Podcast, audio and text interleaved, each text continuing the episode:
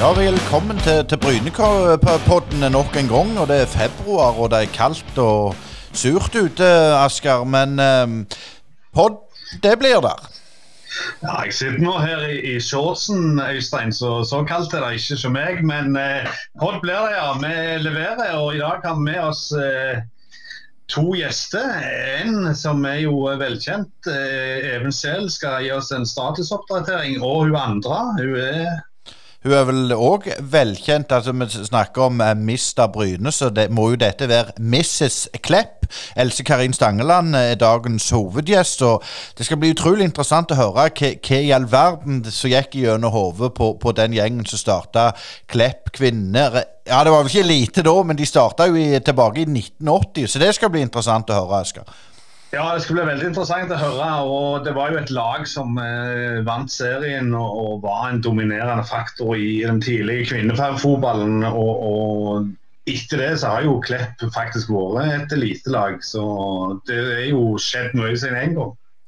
Ja, absolutt. Men det er jo imponerende at de fortsatt er i eliten. og Nå har de en down i fjor, men, men de leverer på høyt nivå år etter år etter år. og vi må jo spørre henne rett og slett hva, er det som gjør det, om det er noe med, med jordeplene på Jæren? Ja, eller, eller med, med meieriet. Men eh, vi må jo òg nevne at vi har en spleis på gang. Ja, det har vi, og den eh, ruller og går. og Vi har fått inn en del penger allerede, og sponsorer har vi fått. og eh, Spleis det kan du sjekke på, på våre Facebook-sider og søke opp Brynepoddene. Vi liker òg å få flere følgere der. Eller så kan du gå på spleis.no slash Brynepoddene, der vi har et, et, budsjett på 170 000. Og det høres gjerne mye ut, Esker, men eh, skal vi utvikle dette, så må, så må, vi, må vi ha litt hjelp. Ja, det var vi. Og pluss at uh, vi har jo òg lyst til å komme litt i kontakt med de som hører på oss, og innspill og tips uh, framover. Nå vet vi jo at serien ruller i gang uh, forhåpentligvis uh, 3.4, men det er jo en stund til da. Så vi må jo prøve å få i gang litt ulike faktorer, iallfall så lenge det ikke er så mye treningskamper heller å snakke om. Absolutt. Tips det blir vi veldig glad i. Men skal vi ikke rett og slett bare høre hva, hva disse gjestene har å si? Ja, det er en stund siden vi har hatt uh, analysehjørnet med oss i, i Brynepodden, og det er på høy tid nå. Even Sehl, velkommen igjen. Det er en stund siden. Tusen takk. Ja, det er kjekt å være tilbake igjen. Absolutt. Ja, vi må vel mest bare gå innom uh, dette med, med, overganger og prøvespillere og sånn. Vi liker jo å få litt nyhet. Er det noe nytt der? Er det noe å berette? Nei, det er lite nytt å komme med. Det er det. Vi skulle ikke ha inn så mange spillere heller. Nå har vi jo klart å få inn to i Sixten Jensen og Meinert Olsen, som er veldig fornøyde med. Og så skal vi ha inn en keeper i tillegg. Det er iallfall bestemt. Og så får vi se om det blir noe mer. Det er ikke sikkert. Så det er ikke så mye prøvespillere heller, da. Og det er jo litt pga. strenge koronaregler. Da må du være i samme gruppe i to uker, de skal testes i forkant og alt i sammen. Så vi har vært litt forsiktige der. Vi ønsker ikke å og får noe smitte inn og at vi må ut i karantene. Da blir vi iallfall ikke bedre fotballspillere. Men eh, kan du si litt om eh, de to nyervervelsene? Sixten har jo vært i Sogndal. Eh, Magnar Olsen er litt mer ubeskrevet blad kanskje for, for, de fleste. Kan du si litt om hva de tilfører, hvordan de har glidd inn i gruppa så langt? Ja, vi kan ta Sixten Jensen først. Det er en en bra spiller, god løpskapasitet og indreløper, som jeg mener passer veldig godt inn i måten vi spiller på. Flink til å true rom mellom bekk og stoppe, komme seg inn i boksen. Gode på omstillinger begge veier. Så er han jo erfaring for Obos-ligaen med Sogndal, det er positivt. Rogalending, det syns vi er positivt. Og så er han en veldig fin alder. Han er 96-modell, så han har fortsatt bra utviklingspotensial, samtidig som han har som sagt litt erfaring. Så han er glidd veldig godt inn i gruppa. Så Den siste som kom inn, det var jo Meinert Egilsson Olsen, så er det fulle navnet. Så Han eh, har jo ikke vært med oss så mye, men han har vært i Norge en stund. Men han hadde jo en del dager i karantene og måtte testes en god del før han fikk være med oss på trening. Så Det er òg en, eh, en, spennende spiller. Han kan spille både venstrekant, høyrekant og helt oppe på topp. Fin erfaring fra Kristiansund. Kjenner til litt eliteseriefotball der. Fikk noen kamper. Skåret et mål i Eliteserien. Spilt for Geis Superettan og har jo noen landskamper også for Færøyene. Så det er òg en spiller i, i fin alder, 23 år. Så han òg er en som vi tror kan utvikle oss og ta nye steg hos oss. Så det er gode spillere som jeg er godt fornøyd med å få inn. Nå er det jo den andre færingen som, er i Bryne, men, men var Rogvi noe delaktig i, i, referanser på, på han Olsen? Ja, det var han. Det var han veldig. Og vi ønsker å være grundige når vi henter spillere og sjekker mye referanser. Da fant vi jo bedre referanse enn en Rogvi. Så spiller vi han på landslaget og kjenner han godt både på og utenfor banen. Så Rogvi er en mann vi kan stole på, så han sa mye positivt om han. Så det bidro selvfølgelig. Tenker litt på, på, på, dette med utlånsspillere. Sånn. Klart I fjor så ble det jo veldig begrensa på, på tolagskamper. Sånn. Hvordan ser det ut i år? Hva tenker du på utlån da, av spillere inn og ut? Også? Ja, Er det noen som er på utlån? Ja, Vi har ikke noe konkret nå. Vi har Torben Dvergsdal. Han besøker på besøk hos Notodden denne uka. Det er for at han skal bli litt bedre kjent med, med, klubben og se om det kan være noe for han. Og så får Notodden òg bli enda bedre kjent med han som spiller. Om det er en spiller så de ser kan gå inn og spille mye.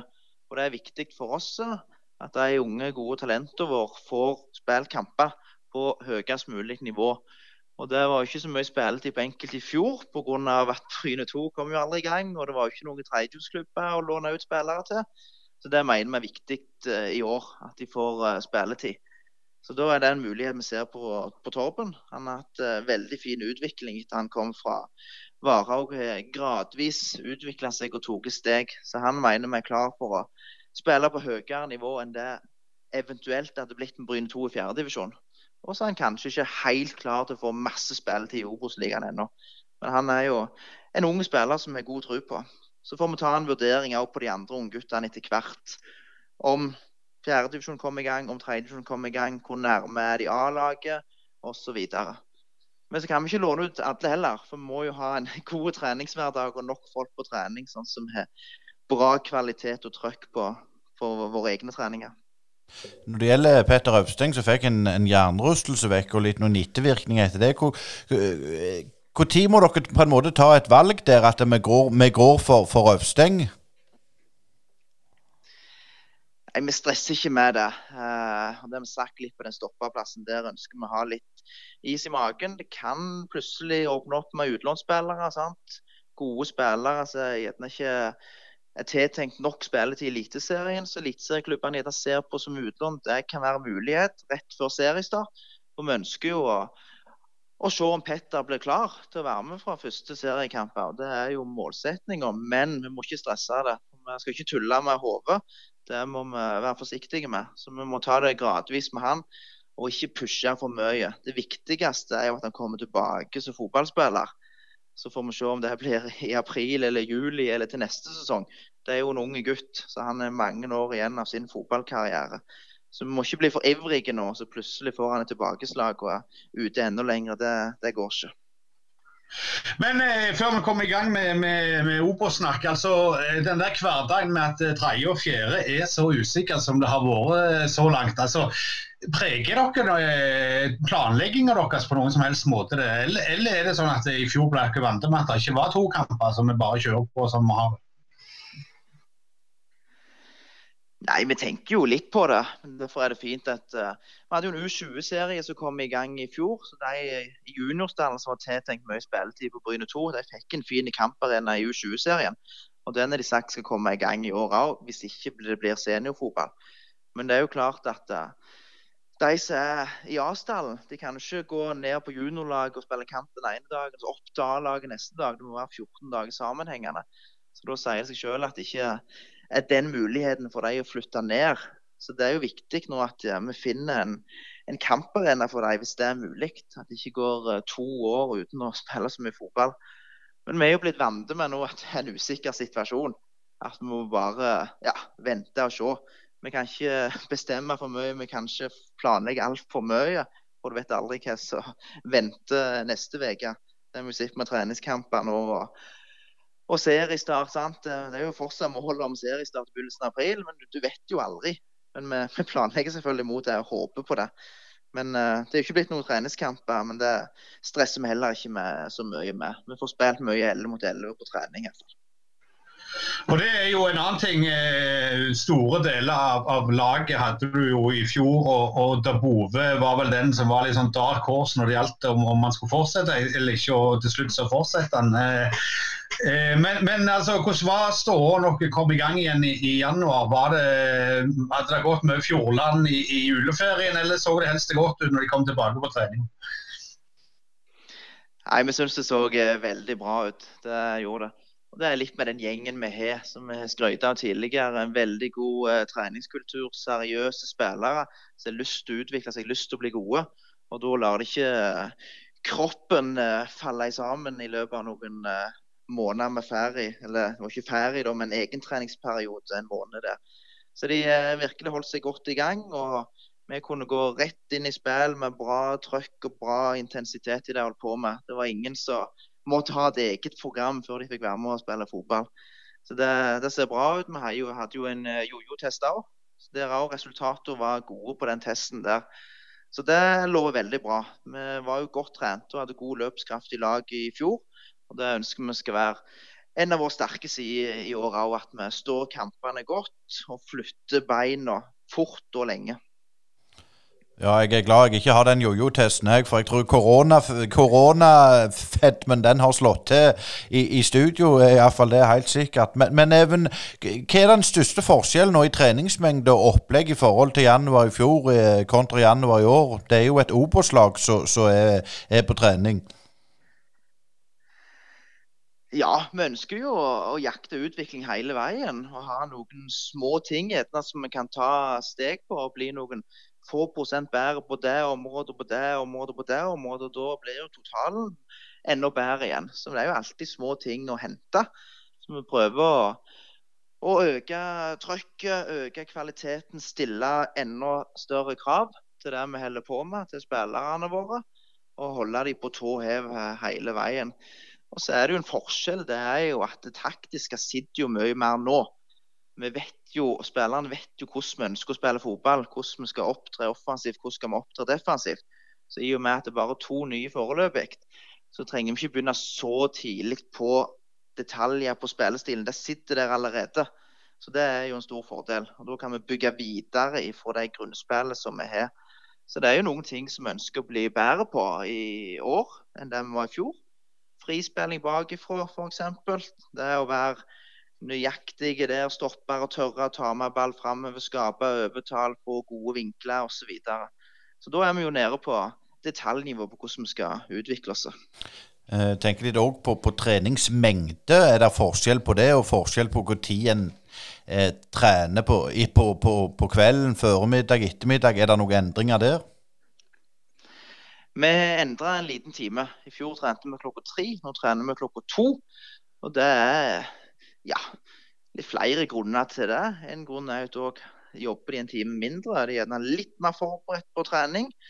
Og så kan de ha ettermiddag, kvelder litt mer tilgjengelig. Men så kan de òg gå opp og sats etterpå og trene. Vi kan ha spillersamtaler, spillermøte etter trening, så du frigjør en time der.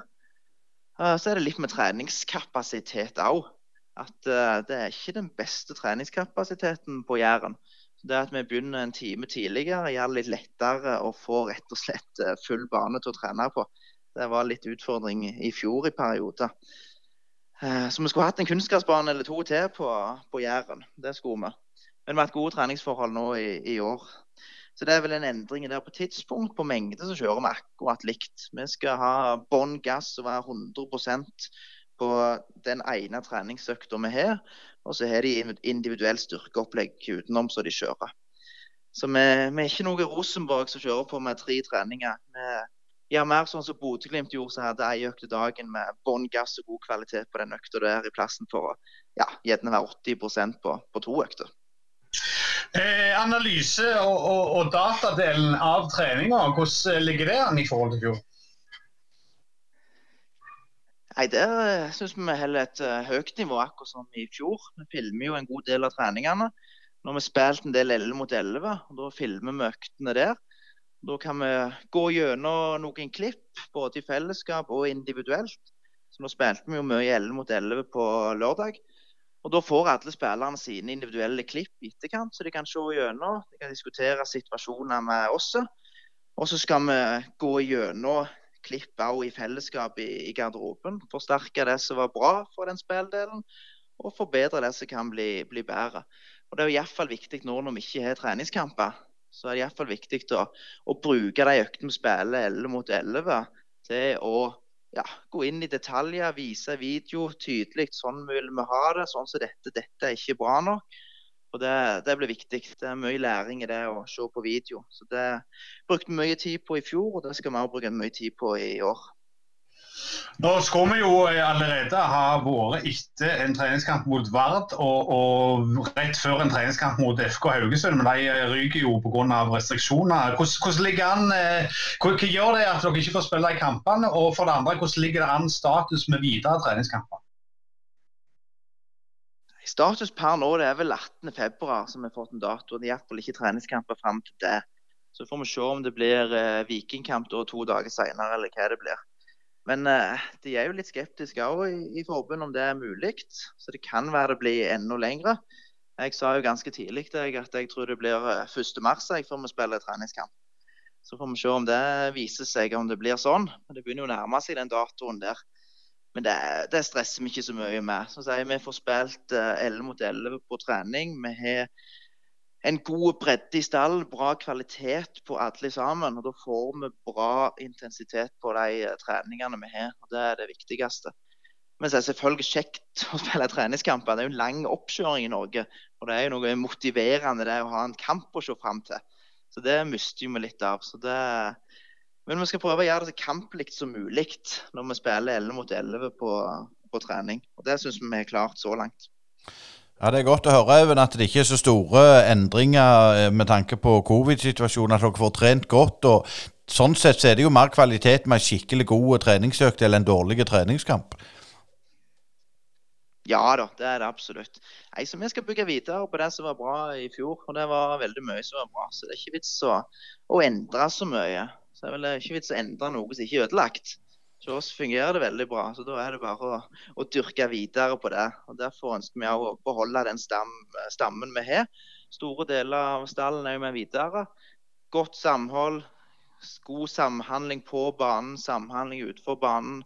Fin alder på mange spillere. Så gjennom stallen i dag, så det er jo hva var det var, 68% av spillerne er under 26 år. Så det er jo bra at hovedvekten er der i den fine, rette alderen der. Og så må vi samtidig ha noen ledertyper og noen med rutine. Noen som har spilt en del kamper før. Så vi syns vi er en god, god blanding der.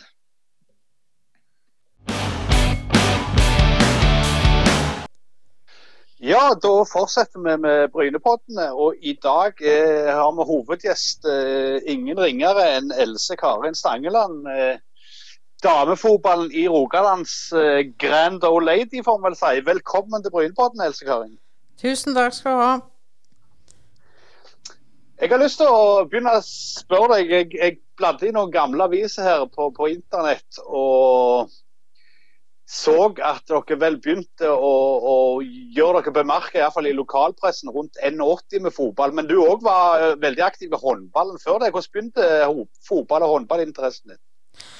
Um, det var sånn at uh, jeg spilte jo i Vold til dess jeg var tolv år på håndball, og så hadde ikke de noe særs tilbud, så da gikk jeg over til Klepp og spilte aldersbestemt og seniorhåndball. Uh, fikk med meg 300 kamper, uh, la vel opp i 82 eller noe sånt, og var med og starta damefotballen da i 1980. Det var en gjeng med håndballspillere som hadde lyst til å ha noe å gjøre på på sommeren, så, så da starta vi opp eh, damefotball. Men det var jo en del sjel fra i dag, eh, både med halvkapasitet og ikke minst dette med fotball og damer. Det var jo ikke alle som var like blide for at dere trødde i gang med et damelag på Klepp, var det det? Nei, det var jo både eh, de som var negative til det, og de som syntes det var veldig kjekt. Så det, det er jo klart det, det var en kultur som vi måtte prøve å, eh, å snu, for å si det sånn, at eh, det faktisk var lov å være jente og spille fotball. Jeg ser jo eh, på de gamle referatene at dere, dere, vant jo en del kamper i, i første sesongen, iallfall i 81-sesongen, ganske klart. Men det var jo motstanderne lag som Høle, Skudesnes, Varhaug. Altså, hvordan var fotballen i, i, på damesida rundt 1980-81? Nei, det var jo eh, i en spede begynnelse. Det var vel eh, Viking og noen lag til på, på nordsida som hadde starta før. Så det er klart det at uh, vi konkurrerte jo med Viking eh, opp gjennom da, men uh, plutselig så, så, kunne, så tiltrakk vi oss gode spillere uh, fra nærliggende klubber, og så var vi plutselig en konkurrent til, til Viking, som var det store laget på, på 80-tallet. Men hvordan eh, den utviklingen dere hadde Jeg husker jo eh, fra eh, Jeg er jo oppvokst på Gandal. Jeg husker jo Sissel Grude spilte jo for dere, og det var det jo mye snakk om på Gandal. Men, men altså, de der første årene fram mot opprykket til det som vel var Vestlandsserien på den tiden, hvordan, hvordan var utviklingen på laget? Altså, du sa dere henta lokale. Hvor, hvor, kom de andre ifra? og Hva var den felles interessen? Var det gamle håndballspillere, det òg?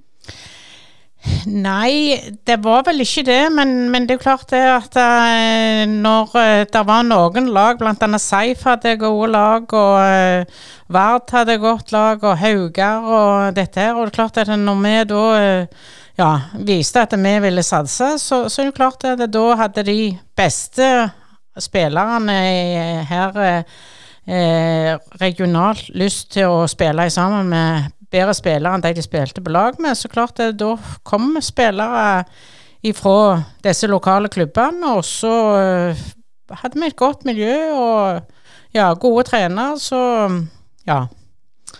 Så det gikk seg til. Men hva var det som, som eh, var liksom, eh, holdt på å si, det som gjorde at folk ville spille for Klepp den gang? Hva var det dere gjorde annerledes enn si Varhaug eller Seif, som du nevnte her? Nei, jeg tror at vi hadde en helt klar oppfatning at vi ville eh, kjempe og, og komme oss opp i, i, divisjonssystemet. Og det var det ikke så mange som hadde liksom noe sånn eh, programerklæring på. og Dermed så, så, så ville de eh, spille for Klepp og, og, se om vi kunne lykkes i det. Og det er jo klart at når vi gjorde det bra, så, så eh, kom de til oss. Og, og når vi da skulle spille om i 86-sesongen skulle spille liksom om eh, i avdeling Vestlandet, så, så, er det klart det at da, når vi òg gjorde det godt der, så, så, så ble vi hva skal jeg si, nummer én-klubb i Rogaland. Eh, men i snakk om 86, da begynner jo holdt på å si non-amatørkontrakter og pengene å komme inn i herrefotballen og Bryne og Viking osv. Men eh, sånn en hverdag har ikke dere Nei, vi hadde ikke noe, så, en sånn hverdag. Eh, de, de, spilte for knapper og glansbilder. Kanskje de fikk litt kjøregodtgjørelse, men, men eh, det viktigste for dem, det var liksom eh, vennskapet og fotballen, og at de så at de kunne gjøre det godt, og at vi hadde en av landets beste, eller to av landets beste spisser og, på laget. Så klart det, det har vært mye mål, og det har vært underholdende kamper. Jeg eh, ser jo at du var en, en flittig referent i lokalpressen om kamper, og, og skrev kampreferat i, i Jærbladet bl.a. Men, men når eh, slutta du å spille selv og gikk over til en mer oppmannsstilling som vel hadde i, i laget?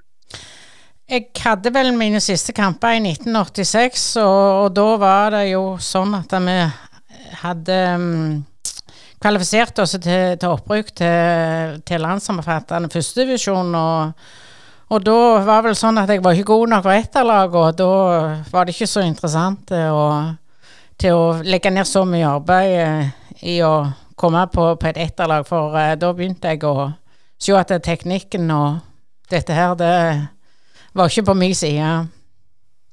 Men eh, når dere hadde rykket opp da, eh, før 87-sesongen, eh, hvordan vil du si at utviklingen hadde vært på de fem-seks første årene?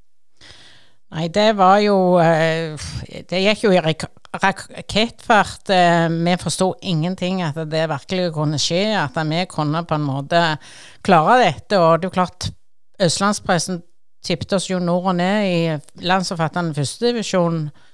Så, eh, så vi var jo veldig stolte over at vi gjorde det så godt som vi, som vi gjorde det da. Men, men det er òg jo en ting i, i, fra de første åra. Altså, du hadde vel Trondheimsørn, eh, du hadde vel et par bergenslag og dere. Og så var det jo veldig dominert av østlandsfotballen. Men hvorfor ble det sånn, vet du det? Ja, det var jo sånn at uh, lederne i klubbene samles jo uh, i Oslo da før sesongen uh, 87, tror jeg det var, og bestemte hvor mange lag fra hver region som skulle uh, spille i landsomfattende. Og, og da ble det jo fordelt at Vestlandet fikk uh, tre, uh, Østlandet fikk vel fem, og Trondheim fikk to. Og eh, eh, Nord-Norge fikk én. Kanskje med Vestlandet fikk bare to. Det var Klepp og Sandviken, vel.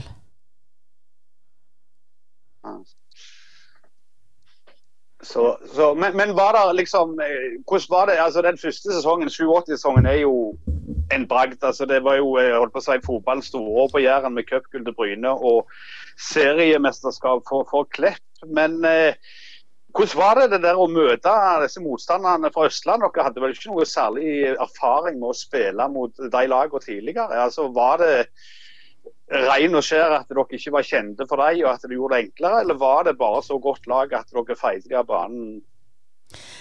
Nei, det var vel eh, en kombinasjon. De hadde jo aldri spilt mot oss, annet i noen innendørsturnering med Ja, altså der du har seks-sju spillere. Men det er jo klart at vi hadde enormt gode spillere, og de eh, var målfarlige. og eh, det var liksom Spilte du fram på de to spissene vi hadde, så var det garantert mål inntil eh, med den ene eller den andre. Så det at det Ja, de klarte liksom ikke stoppe disse herrene spillerne våre. Men det var, da snakker vi om Turi Storhaug og Sissel Grutevel, som var de to spissene på den tiden, var det ikke det? Jo, og så hadde vi jo Bjørg Storhaug i mitt forsvar, og så, så dirigerte vi med, med stor eh, rutine der, så det at uh, Det var rett og slett selvtillit på en høy sko. Men du som var med tett inn mot laget, og, og det var vel Tor Sølve Laland som trente det året, men, men altså ble, ble du overraska sjøl over at det gikk så godt den første sesongen i det som i dag heter Toppserien? Ja, jeg var mektig imponert, og det er klart det, det var jo liksom bare fotballen og spillet og at vi gjorde det godt plasseringsmessig, men vi hadde jo enormt med tilskuere. Og i tillegg så det at vi hadde vel mest 1000 tilskuere på avslutningskampen når vi ble uh, seriemestere som gikk på hjemmebane mot Troll fra Rindal i Trondheim. Hvordan var det da i, i Klepp-miljøet? Altså, følte dere da at dere hadde brutt en barriere? og Herrelaget var vel eh, et par hakk unna, selvfølgelig. eh, Men, men altså, var det noe fremdeles vanskelig å få aksept for, for dette med kvinnefotball på den tida? Ja, det er jo klart at de som var imot det, de er jo imot det den dag i dag. Så det at men, men de er jo i et fåtall, så det at det var mer folk som var stolte, eller folk som syntes det var leit at vi gjorde det så godt. Og det beviste jo bare den cupfinalen vi spilte i 1987 med Ja, telleapparatet slutta jo å virke da, men de sier det var 5500 tilskuere innenfor portene. Og det er klart det at eh, Da viser det bare at folk eh, de syns dette her var morsomt og hadde lyst til å gå og støtte og, og se hva de holdt på med, disse jentene. Og nå er det jo, eh, I dag er det jo vel eh, 34 år i, i toppfotballen. og Kan du si litt om den tida etter seriemesterskapet? Dere begynte vel å få inn noen folk eh, fra andre kanter av landet etter hvert. og sånn, Men hvordan var den utviklinga der, og økonomisk osv.? Var, det, var det et slet å få, få, ting til å gå i sammen? og Er det noen spesielle ting du vil trekke fram fra, fra seriegull i 87 og utover 90-tallet? Det er jo klart det at det kom jo en down eh, eh, på begynnelsen av 2000-tallet, og eh, det var en av sesongene så var vi ikke langt vekk fra å rykke ned i, i førstedivisjon. Og det er klart det at uh, det var nok en kombinasjon at du uh, gjerne ikke klarte å tiltrekke deg gode nok norske spillere, og hadde ikke økonomi til å investere i noen som ikke snakket norsk, for å si det sånn. Så, så, det er klart det var jo nok en kombinasjon, pluss at uh, Ja. Det, det, var nok litt sånn ymse at vi drev nok ikke så godt som, som, vi burde, for å si det sånn. Så, så det tok vi jo tak i uh, da ifra 2014, vel, og begynte å røske oss opp. Vi bygde jo ny stadion i 2007, da, så det at Det er klart, den har jo vært med på at vi har fått utvikla oss stadig uh, til å bli bedre. Og, og, det er jo klart at i 2018, når vi da fikk uh, sølv i serien, så er det jo klart at da da hadde vi tatt sjumilssteg i forhold til det som skjedde på 89, 1989 opp gjennom både organisatorisk og, og økonomisk. Men, men, det er jo alltid en, en debatt om dette, eh, lokale kontra å hente utdannede eh, i, i, alle slags fotballklubber. Altså, eh, hvor sterk har den debatten vært hos dere? Nei, vi har jo eh, en filosofi at vi ønsker jo flest mulig lokal og flest mulig eh, Hva skal jeg si eh, En kombinasjon av unge talenter og etablerte. Og så er det sånn at av og til så, så klarer du ikke å utvikle nok eh, unge talenter, selv om jeg syns at vi har gjort en god jobb der. Vi bl.a. har vunnet fem norgesmesterskap i 19-klassen og, og, og, har gjerne 15 eh, ungdommer, eh, skråstrek eh, etablerte norske. Og så må vi, for å klare å konkurrere med de andre, hente utlendinger fordi at vi klarer ikke å få tak i de beste norske spillerne som finnes. Men, men, du har jo òg eh, selvfølgelig sett utviklinga som har vært i regionen på, på damesida. Og, og, eh, dere, var jo en slags, altså, dere ble jo et slags ideal for unge jenter jenter som hadde lyst til å spille fotball. Altså, jeg husker jo, Vi spilte jo fotball mot, mot jenter på skolen. og, og kanskje fra fjerde klasse som ikke hadde noe tilbud på den tida. Da snakker vi midt på 80-tallet. Men altså, den der aksepten dere klarte å skape, var dere mye rundt i andre klubber og fortalte om erfaringer osv. Og, så videre, og prøvde å få jenter si opp eh, i, i, i området rundt òg? Ja, vi har alltid vært eh, rundt i klubber eh, som har hatt gode jentemiljøer. Vi har òg eh, invitert både enkeltspillere og, og, lag til, til jentefotballdager på, på Klepp. Og, og eh, vi har et godt samarbeid med både Bryne eh, videregående, med Alf Inge og den gjengen der, og har både Vang og og um, ja, den fotballinja som holder til på, på, på Randaberg òg. Så eh, vi prøver å, å være eh, behjelpelige til de klubbene som, som har lyst til å og se hvordan vi har det. Og så er det jo klart det at vi har jo òg en heltidsansatt rekruttrener som trener akkurat disse her ungdommene fra 15 til, til 19 år. Så, så, vi føler ja, vi føler vi gjør det vi kan for å, å få utvikla spillerne videre fra de klubbene som, som de kom ifra, og òg egen klubb. Men nå har vi jo hørt i den siste tida at eh, Viking skal, skal, satse. og Hvis jeg også husker litt tilbake, husker jo at det kom vel et innspill under Frode Olsen, utspill i Frode Olsens tid om at ville, han ville f.eks. slå sammen Klepp og Viking alt den gangen. og Da snakker vi eh, ja, siste halvdel av 00-tallet. Eh, men, men altså den utfordringen dere nå møter fra Stavanger, hvordan håndterer dere den? Og hva er ditt syn på, på, på det? Nei, eh, Vi syns jo at det er bra at det er flere klubber som eh, satser på, på jente- og damefotball. Og, og, eh, hvis du går til Hordaland-regionen, så har du to klubber i toppserien der. Så det at uh, Vi syns at det er bra at det, er flere klubber som utvikler spillere. Og så er det jo klart det at alle, stort sett alle vil spille på det laget som ligger høyest i divisjonen, og nå er det Klepp. Og skulle Viking klare å komme seg opp og, i toppserien, så, så, blir det klart en, en konkurrent. Men, uh, men uh, vi tenker ikke på uh, noe sammenslåing. Men Har det, det vært en utfordring opp gjennom året å få folk f.eks. fra Stavanger ut til Klepp og spille for dere? tenker jo, altså sånn Mentalt så er det jo lenger fra Stavanger til Klepp enn fra Klepp til Stavanger. Ja, nei det har eh, faktisk ikke vært eh, en utfordring i det hele tatt. Eh, vi har vårt opplegg, og det har spillerne syntes har vært utfordrende. Og det er jo klart det at det alltid er gulrot med, med J19-NM, og, og, det er klart det at den er det mange som har grepet, og, og er fremdeles i klubben.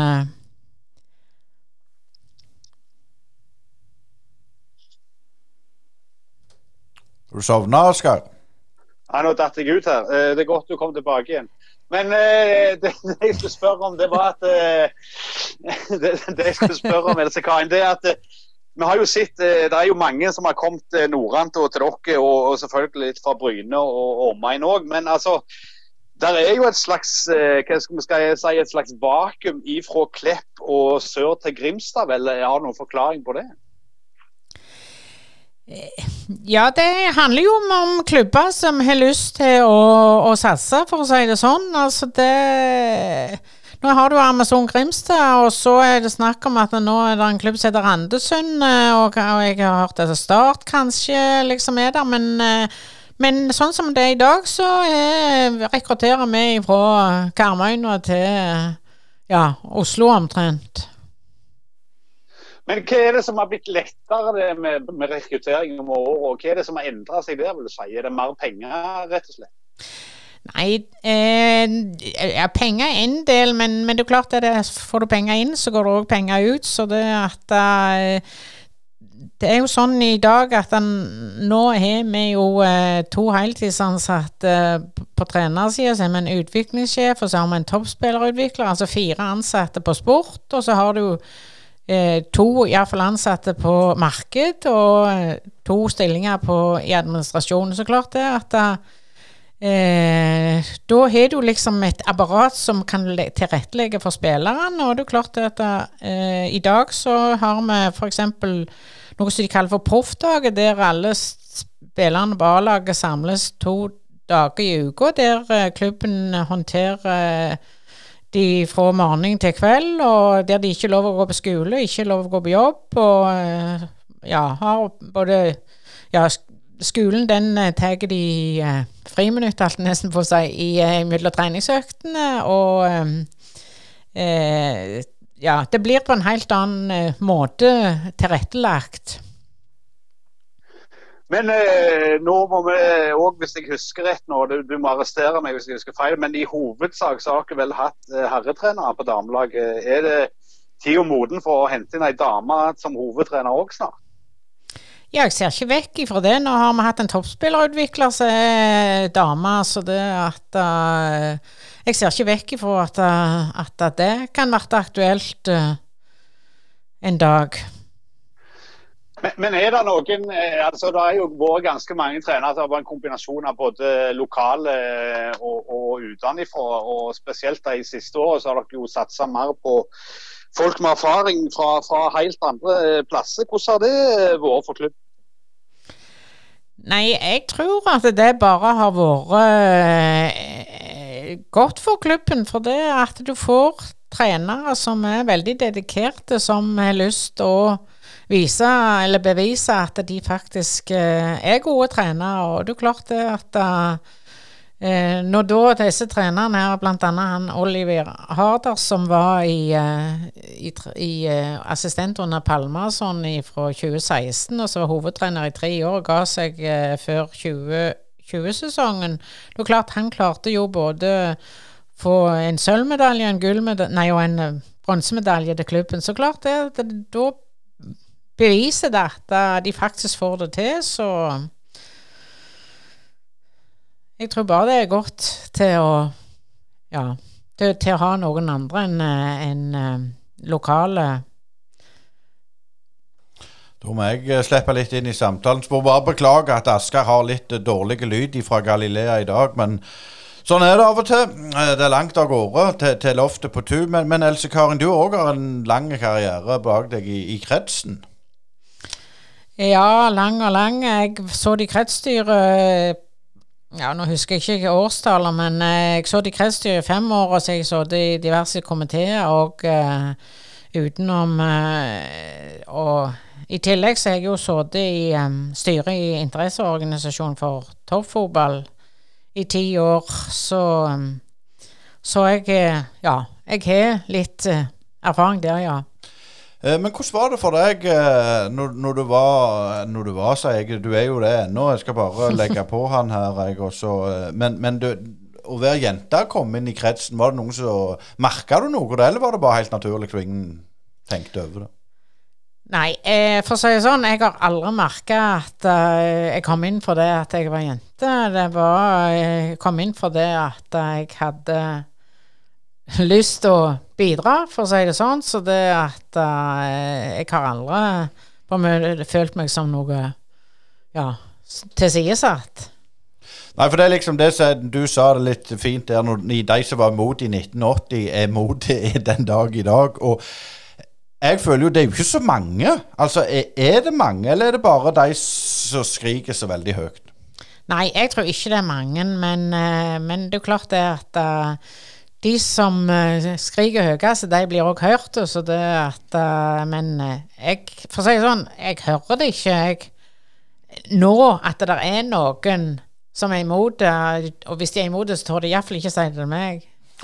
Nei, men det er bra. Du er jo òg den eneste som har fått sånn gull Nå vet jeg ikke hva det heter. Jeg sier gullmedalje i kretsen. Det må være stas. Ja, ja, ja, det var veldig kjekt, det.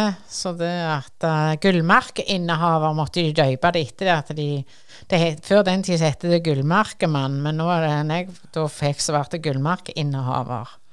Det høres bra ut. Men, men det som er litt interessant, er at du spilte jo mye håndball, og du sa du var ikke så, så god så gode i fotball. Det var liksom ikke topp nasjonalt nivå. For det er jo litt utrolig når, når det kommer et lag fra 1980, så går det noen år, og så er det utrolig mange som er på landslaget og vinner serien. Det, det, er jo, det er jo en drøm. Ja, ja. Det var jo helt fantastisk. Og det er klart at på den tida der, der Jeg tror det var rundt på 90-tallet. Da hadde vi jo en landskamp på Klepp. Og da husker jeg vi hadde fem spillere i, i troppen. Og blant annet så hadde vi henta ned ei fra Stålkameratene som heter Linda Råde, som, som hadde spilt sammen med Hugo Hansen i, der oppe i Stålkameratene i nord. Så det at Nei, det var, det var ei flott tid. Uh, du sa du hadde ikke vært så lenge i kretsen, kun fem år pluss pluss. For i Klepp så har du jo du vært i, i, i 40 og vel så det. Um, du var vekke en liten periode. Hvor, hvorfor det? Nei, det var vel sånn at uh, du, av og til begynner du å gå litt lei, og ser ikke noe lys lenger. Så derfor så tenkte jeg ok, nå må jeg hvile en stund, og så plutselig så, så ble det litt interessant igjen. Og, så da var jeg på den igjen. Men nå har vi jo vært inne på, på alt det som har vært kjekt og, og, og, og gildt, som vi sier. Men, men, det er jo ikke alltid det har vært like gildt. Klart litt økonomisk problem. Og så har jeg lyst til å komme inn på denne her logosaken. Den tok jo litt fyr. Fortell litt om det. Ja, hva skal jeg si om den? Um, det var vel sånn at uh, det kom fram en logo, og jeg fikk ikke så mye med meg at det skjedde, for å si det sånn. Og plutselig så så ble den presentert eh, eh, i klubben, og, og da ble det jo selvfølgelig ramaskrik, heldigvis, og, og en eh, Men eh, det kom jo noe godt ut av det. Det kom en ny logo, men ikke den logoen som, som eh, kom fram første gangen, så det at eh, Så du må ha litt uh, show av og til for å komme deg videre. Absolutt. Skal vi se om du, Asker, er du med oss ennå, eller? Ja, nå er jeg eh, med igjen her. Jeg må jo bare skyte inn den logosaken. at Der har jeg jo halve tåret som, som, journalist. Jeg eh, tror jeg hadde vært tre dager i Jærbladet eller noe sånt når jeg ble sendt til Klepp klubbhus og skulle dekke den berømte logosaken. Eh, Og det var jo massevis av forlegne og fornærma folk som sveiv rundt i klubbhuset. og og det, det, løste seg vel, vel, til slutt, som Else Karin sier, men, men, det var jo litt sånn eh, Jeg ante jo ikke hva det gikk i, og hvorfor dette var så svære greier, men det var jo en, en, massiv eh, sak lokalt den gang. Men jeg har lyst til å komme litt tilbake til noe eh, jeg tenkte på før jeg forsvant ut i, i Galilea-natta her, og, og, det er dette med unge talent og damefotball. For eh, jeg husker så vidt det var at Dan Eriksen nevnte en gang at eh, det var jo en utfordring med de unge talentene som var på landslaget og sånn som plutselig måtte gå opp på studier f.eks. til Bergen eller andre plasser for å videreutdanne seg. Og de hadde kunnet eh, gitt mange år eh, til Klepp. Men det er jo en del med landslagserfaring til og med, som har måttet forlate klubben i tidlig alder. Har det vært et problem for dere, elsker? Ja, det er jo en av de største utfordringene, som, sånn som jeg ser det, er at når uh, spillerne er ferdige med videregående, og hvis de da ikke har uh, bestemt seg for at de eksempelvis vil studere noe her i, i uh, nærheten, så er de nødt for å reise ut. og og populære studier som lege og fysioterapeut og økonomi, det finnes der bedre andreplasser eller her i Rogaland, så, så er det jo klart det at for oss så hadde det jo vært fantastisk hvis de hadde kommet, opp med noen flere studieretninger i, på universitetet her i, i, i, Stavanger. For det at da hadde eh, vi kunnet lage en, en, pakke, tror jeg, til de unge spillerne som, eh, som eh, indikerte både studie og ja, ta vare på de Haltenes si, hvis de kommer fra andre kanter av landet, og uh, gjerne gi dem en form for stipend eller et eller annet sånt. Noe, så, um, så, det er jo klart det der mister du de 19, fra 19 til 23 år. Men eh, nå har vi jo snakket om de som forsvinner, men dere òg har jo hatt noen veldig markante lojale som har eh, tatt tak i årevis. Eh, Søstrene Storhaug eh, Eh, blant annet, og, og, og i senere år eh, eh, så har vi jo hatt òg flere. Men altså, hvem er det du har lyst til å trekke fram som har vært på en måte tradisjonsbæreren i klubben siden dere begynte og, og fram til i dag? Ja, skal vi se. Eh, vi har jo eh, f.eks. Gry Tofte Im, som, eh, som, var en fantastisk spiller. Lojal. og Har ikke spilt i noen andre klubber enn Kleps. jo Vi hentet henne fra Austrått som 15-åring og, og, la jo opp før 2020-sesongen eh, og hadde vel Ja.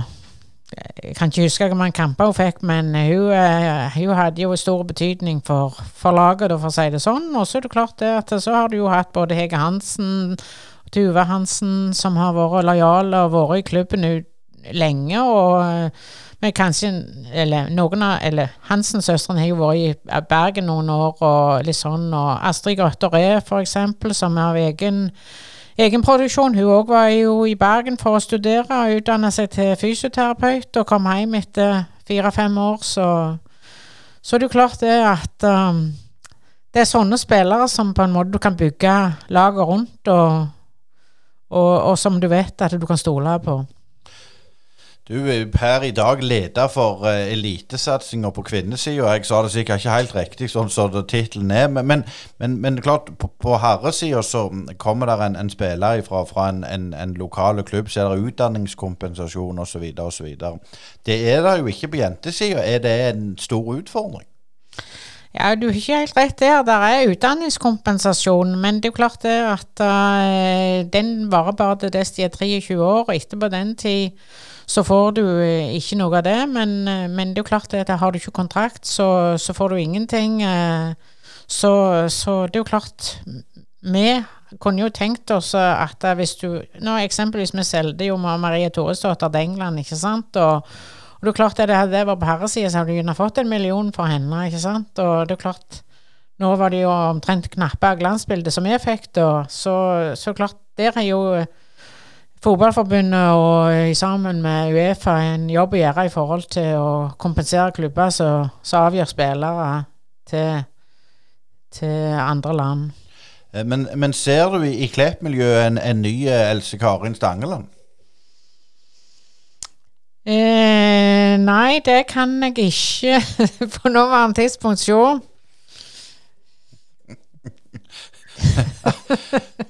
Det må vi få tak i, Asker. Nei, men, ja, men det, det, er jo eh, noen som, som, ikke kan erstattes uh, mer og mindre. Og Else Karen er jo vitterlig en av de, ikke bare i Klepp, men i Jærfotballen generelt. Og, men jeg har lyst til å spørre litt, Else Karen. Altså, dere tok seriegull i 87. og Norge på kvinnesida var jo eh, de åra som kom etter der òg, helt, helt i verdenstoppen. Eh, Noe kan jo forklares med at Norge var tidlig i gang med damefotball. Men de siste åra så har jo resten av verden tok, oss igjen. Og eh, USA har jo òg drevet fotball godt på kvinnesida i mange år. For det, det, er den eneste plassen folk bryr seg om fotball i USA, det er på kvinnesida. Men eh, hva er det som har skjedd de siste årene, som gjør at Norge ikke lenger er der eh, blant de første i verden? Nei, det er jo pengene som har kommet inn i, eh, i fotballen eh, i både England og Spania og Frankrike. Og storklubbene de eh, får, får penger fra herredelen, for å si det sånn. Hvis du tar Chelsea f.eks., så får jo de selvfølgelig penger for å ha et damelag, men Eh, og det kan de satse videre på, på damene, da, for å si det sånn. Og likt er det i de andre klubbene òg. Og det er klart at de er jo ja, mye mer befolka enn oss, og dermed så har de mye flere spillere som eh, til ta. Og, og eh, eh kommer du inn og har en, eh, ja, en 50-60 millioner i budsjett i forhold til oss som har åtte, så det at og, og vi er um, ja, kanskje midt på tabellen i forhold til toppserien, der både Vålerenga og Avaldsnes vel har en 13-14 millioner i budsjett. Så klart det, det er pengene som rår, og det er derfor at uh, vi blir akterutseilt. Men eh, det er jo det der fenomenet i Norge òg som har skjedd de siste årene. jo klubber som Vålerenga som har gjort det godt på damesida òg. Eh, i tidligere år så var det jo lag som Klepp, eh, Sandviken, Amazon Grimstad, som jeg nevnte, eh, Kolbotn osv. Eh, har det òg endra noe i Norge at de såkalte storklubbene har begynt å satse på damefotball? Ja, det vil jeg si. Det er jo klart det at Vålerengen nå ble innlemma i eliteavdelingen de nå vel eh, i forfjor, og det fikk seg en rik onkel og, og, kunne satse. Og det er klart det at uh, ja, Hvis du snakker om utlendinger, så er det klart at de har vel en 12-13 utlendinger på laget. Og det er jo klart Ja, det går så lenge de har penger, men hvis de ikke har penger, så, så må de rekruttere på en annen måte. Og det er vel det de andre klubbene gjør at de satser på, gjerne på gode norske og klarer å rekruttere det. Og, og de som ikke har penger og ikke har en god rekrutteringsstrategi, de havner nok eh, på nedre halvdel av, av tabellen. Eh, på herresida så har det jo vært en, en liten stagnasjon i IR-fotballen eh, de siste åra. En har f.eks. ikke lenger noe tredjedivisjonslag på Jæren. Eh, Damesida er det vel kanskje litt bedre. Dere har iallfall Bryne til å hente av eh, to hakk unna. Men altså, generelt stå på damesida i Jærregionen, hvordan vil du si den er? De er jo blant de yngre. Nei, jeg ser at det er eh, noen veldig gode lag eh, som, eh, som, har satsa over tid. Eh, du har Bryne, du har Sandnes Ulf, du har Viking. Eh, ja, Vidar har nok litt, og du har Stål Jørpeland og Altså Det er eh, en enorm entusiasme og mye gode trenere som trener disse unge jentene, og det er jo klart det at det viser jo igjen eh, når du tenker på, på hvor disse jentene som vi iallfall henter, blir rekruttert fra, så er det jo i lokale klubber der uh, de har hatt gode trenere og fått et godt kamptilbud uh, gjennom kampene som i serien i kretsen. Men når du ser rundt eh, f.eks. når du fortalte i starten, så kombinerte dere jo håndball og, og fotball. og det blir det vel mindre av i dag. Eh, du må vel velge tidligere hvis du skal satse. Eh, hvordan er den eh, oppveiinga i dag kontra når dere begynte? Nei, du vet det at vi trente jo ikke så mye som de trente. Så sier vi, hvis vi spilte håndball og fotball, så trente vi gjerne fem, fem treninger i uka, for å si det sånn. Men det er klart at nå trener de fotball, og da trener de jo ti økter i uka. For det at det er jo morgentrening, så er det ettermiddagstrening, så er det treningsstudio, og så er det trening på skolen. Og så du må helst stoppe det i forhold til at de får for eh, stor belastning. Men når det gjelder dette med økonomi, så har jo Klepp òg hatt en liten periode der de, de sleit litt og måtte ta liksom eh, samles i bånd. Men, men, sånn som nå, så det jo, ser det jo veldig, veldig lyst ut. Hvor, hvor, hvor stor var den omveltningen og den jobben som er gjort? Hvor, hvor massiv er den? Det er klart det er en jobb som er godt over tid. Eh, vi har fått inn et veldig godt eh, markedsapparat. En god daglig leder som server det apparatet. Og har fått ei veldig god gruppe av sponsorer der der de er engasjerte og, og har lyst til å, å, bidra.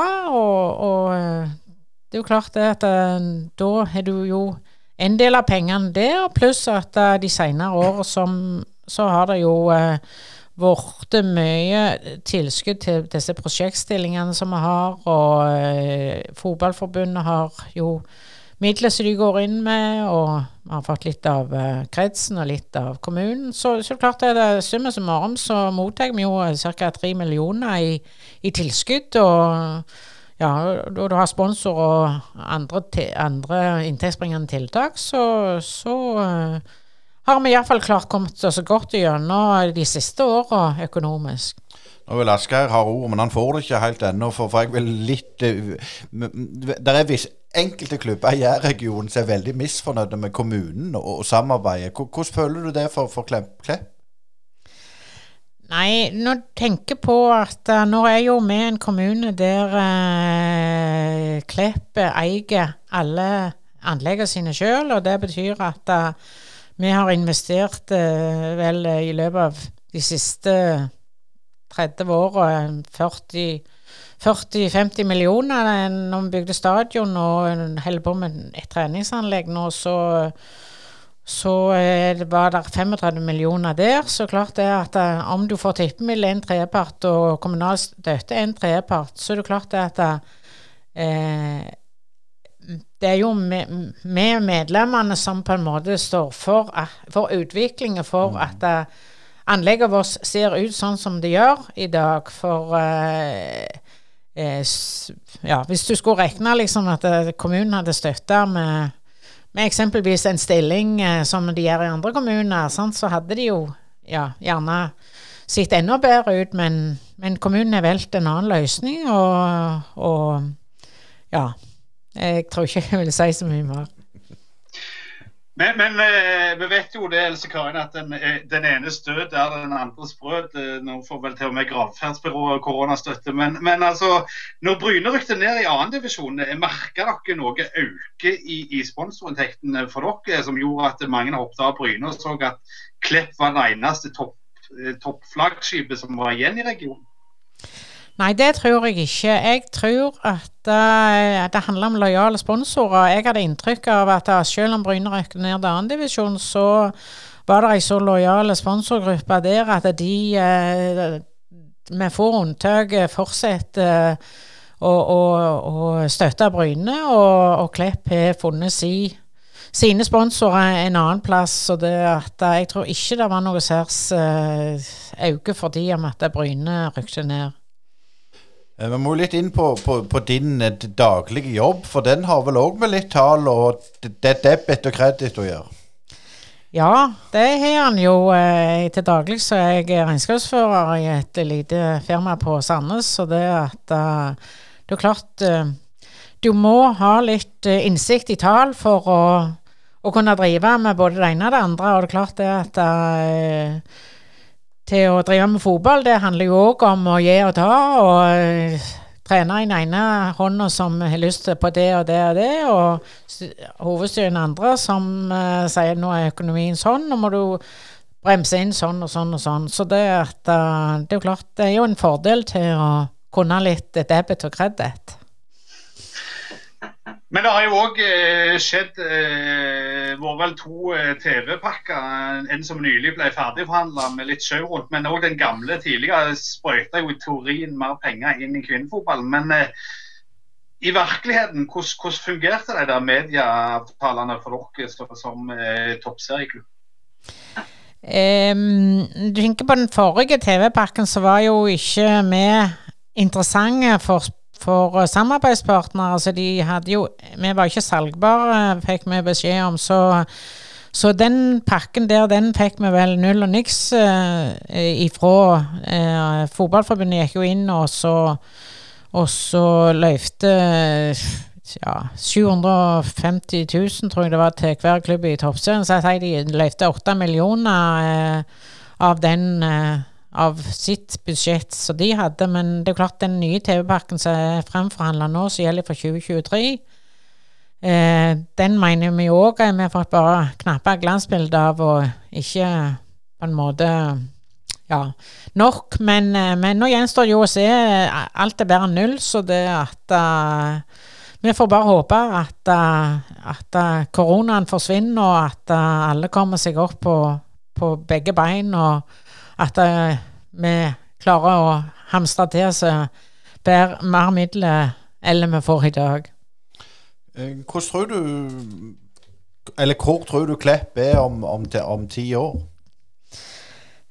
Ja, Det er vanskelig til å si, men det er jo klart at konkurransen blir jo hardere og hardere. og Klepp er jo en liten plass, og det er jo klart at det der må være interesse i, eh, i Klepp for at eh, Klepp skal ha et, eh, et eh, toppserielag, og det må være økonomi eh, og, og folk til å drive eh, på en, en fornuftig måte. Så en ser jo nå at storbyene de, de overtar mer og mer. og og hvordan det blir om ti år, det er vanskelig til å spå, men jeg håper jo at, at vi klarer å, å fortsette der vi er. Uh, Tida går i kjekt lag, selvfølgelig. Men dette med, med, med jentesida og, og herresida uh, Klart jeg husker jo alltid at uh, når, du var på på Klepp-kamper på herre, ja, al- alt går til damene, og den har vi jo hørt Uh, du, du nikker her. Men hvordan føler du det, den ståa er i klubben nå? Nei, det er jo klart det at eh, sånne fraser som det der, det er jo liksom lett å si for folk som på en måte ikke greier på hva de snakker om, for å si det sånn. Og, og det er klart, isolert sett, hvis vi hadde sagt at vi har toppserielaget, så går det faktisk det med overskudd hvert eneste år. Men eh, vi må jo investere i, i rekrutteringer, og det er jo klart det at det er det som på en måte koster eh, penger, men eh, men ehm, eh, det er alltid de som, eh, som eh, tror at eh, alt går til, til damene, men eh, altså må du, du må se hele, hele ballen, så, så tror jeg at eh, Eller så vet jeg at eh, det er en helt annen eh, Det er en helt annen eh, verden, det vet jeg òg. Men jeg tenker litt sånn Klepp har jo, herrene har jo ikke fått det til. Altså, de, ryk, de, ja, de rykte jo ned til femtedivisjon, men nå rykte de opp pga. Sokndal trekte seg og ikke klarte å stille lag. Men har dere noe samarbeid, eller, eller styrer dere på en måte dere sjøl?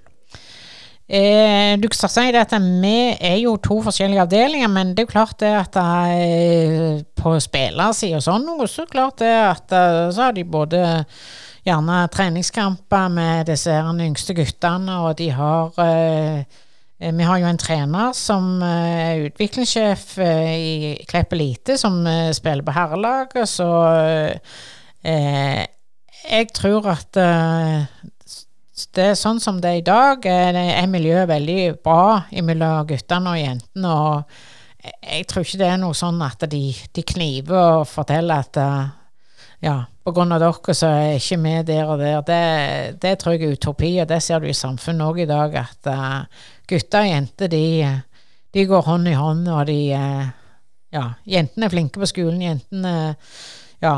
Så nei, jeg, eh, jeg tror at det er veldig bra miljø. Men eh, mitt siste spørsmål til deg, Else Karen, er jo når dere begynte i tidlig 80-tall, eh, rundt 1980, eh, så var det jo ikke all verdens masse folk i, Klepp. Eh, dere kjente vel hverandre ganske godt, de fleste. Men i dag har jo Klepp vokst til noe mye større. og Hvordan har den veksten av befolkninga i Klepp preget laget og idrettslaget, tror du? Nei, eh, idrettslaget har alltid hatt en evne til å eh, rekruttere fra eh, alle mulige slags eh, eh, hva skal jeg si, grupper. Og, og, det er jo klart det at eh, kommer du til Klepp og har lyst til å spille fotball, så er jo ja, så er det jo bare å komme på stadion, enten du er gutt eller jente, og der folk tar imot deg. og Vil du drive turn, eller vil du drive håndball, så ja, så ja. Vi, vi tar uh, imot de som har lyst til å, å være hos oss, og jeg kan ikke merke noe, noe hva skal jeg si, noe forskjell ifra sånn som det var før i forhold til det det er nå. Eh, jeg må jo òg ha noen siste spørsmål. For du er vel oppvokst på Vold? og sånn, Hvilken familie kommer du ifra? Og hvor, er liksom dette engasjementet? Hvem har du det fra, tror du? Ja, si det. Jeg kommer jo fra en gard fra Stangeland eh, som er grense til Sandnes kommune, for å si det sånn. Og klart det, vi med unger, så, så var det ikke så mye å ta seg til. Og, og det er klart det, da begynte du å, å spille håndball og syntes det var veldig kjekt. og og eh, når, du, når, jeg virkelig begynte å interessere meg for, for eh, idrett, det var jo liksom eh, Husker det første OL, liksom da når du sykla hjem fra søndagsskolen, nesten på å si, for, for, da skulle OL begynne. Da, uh, og etterpå den tid så har det bare vært gryende engasjement og spennende. Det har med på utviklingen både i forhold til Altså, vi har vært tross alt både seriemestere og hadde en cupfinale som var helt ja, sinnssyke eh, på hjemmebane. og og junior-NM med alle disse jentene som på en måte får oppleve det. Og, og det er klart det toppa seg i 2019 og de meisla eh, Vålerengen av banen med seier, liksom 9-1 og eh, sølvmedalje og bronse. Altså, det er liksom utviklingen som har vært viktig for meg til å på en måte se at OK, klarer du å engasjere, klarer du å administrere, så og, og folk det er kjekt, så, så er det utvikling for, for meg òg, for å si det. Mm. Men hva sier familien når du bruker Jeg antar jo du bruker noen timer på dette her? Ja, men det var for å si sånn eh, Det er jo en brøkdel i forhold til det som gikk med før, når du ikke hadde ansatte. Så det at uh, eh, Jeg vil ikke si at jeg uh, ja, sliter meg ut, for å si det sånn. Du er ikke overarbeidet, som vi sier. Nei, jeg er ikke det på noen som helst måte. Men, men, sånn litt tilbake til det sportslige i år, med, med, med denne um, koronasesongen som, er, som, var i fjor, som kom i år igjen. Hvordan, hvordan, tror du det går med Klepp? Det var jo en litt sånn down i fjor. Ja, nei eh, Nå eh, er jeg litt eh, Hva skal jeg si? Det er litt spørsmålstegn Det er jo klart det at uh, nå skal jo sesongen i gang den 20. mars, så jeg jeg tror jo ikke at det går, for å si det sånn. Eh, nå skal vi møte eh, Arne-Bjørn F. Bergen, og klart det, de er jo i isolasjon. Og det er klart det at eh, vi har eh, per definisjon tre spillere som vi har skrevet kontrakt med fra utlandet, som ikke har kommet her til. Og eh, eh, så jeg tror at vi må belage oss på med det unge mannskapet vi har, til å ja, kjempe rundt om midten. Og, og klarer vi noe bedre, så er jo det fantastisk. Så, um, så vi må regne med at dette er et uh, byggeår, for å si det sånn. Tusen takk for du stilte opp i Brynepodden, Else Karin Stangeland. Ja, bare hyggelig. Da lakker det og lir eh, mot eh, avslutning av Brynepodden igjen. Og eh, vi kan jo si det at eh, Gabriel Høyland han fyller året den 10 februar. Og det er Mister Bryne, og det var utrolig kjekt å snakke med Mrs. Klepp, Else Karin Stangeland. Ja, det var eh, veldig gildt. Eh, det, det, er ikke så ofte vi får høre om, eh, fra Else Karin på den måten. Hun har jo vært med fra den spede begynnelse eh, i 1980. og det var kjekt å høre litt eh, både av, av, eldre ting og av nyere ting. og Vi kan jo bare ønske Klepp eh, lykke til i, i årets sesong.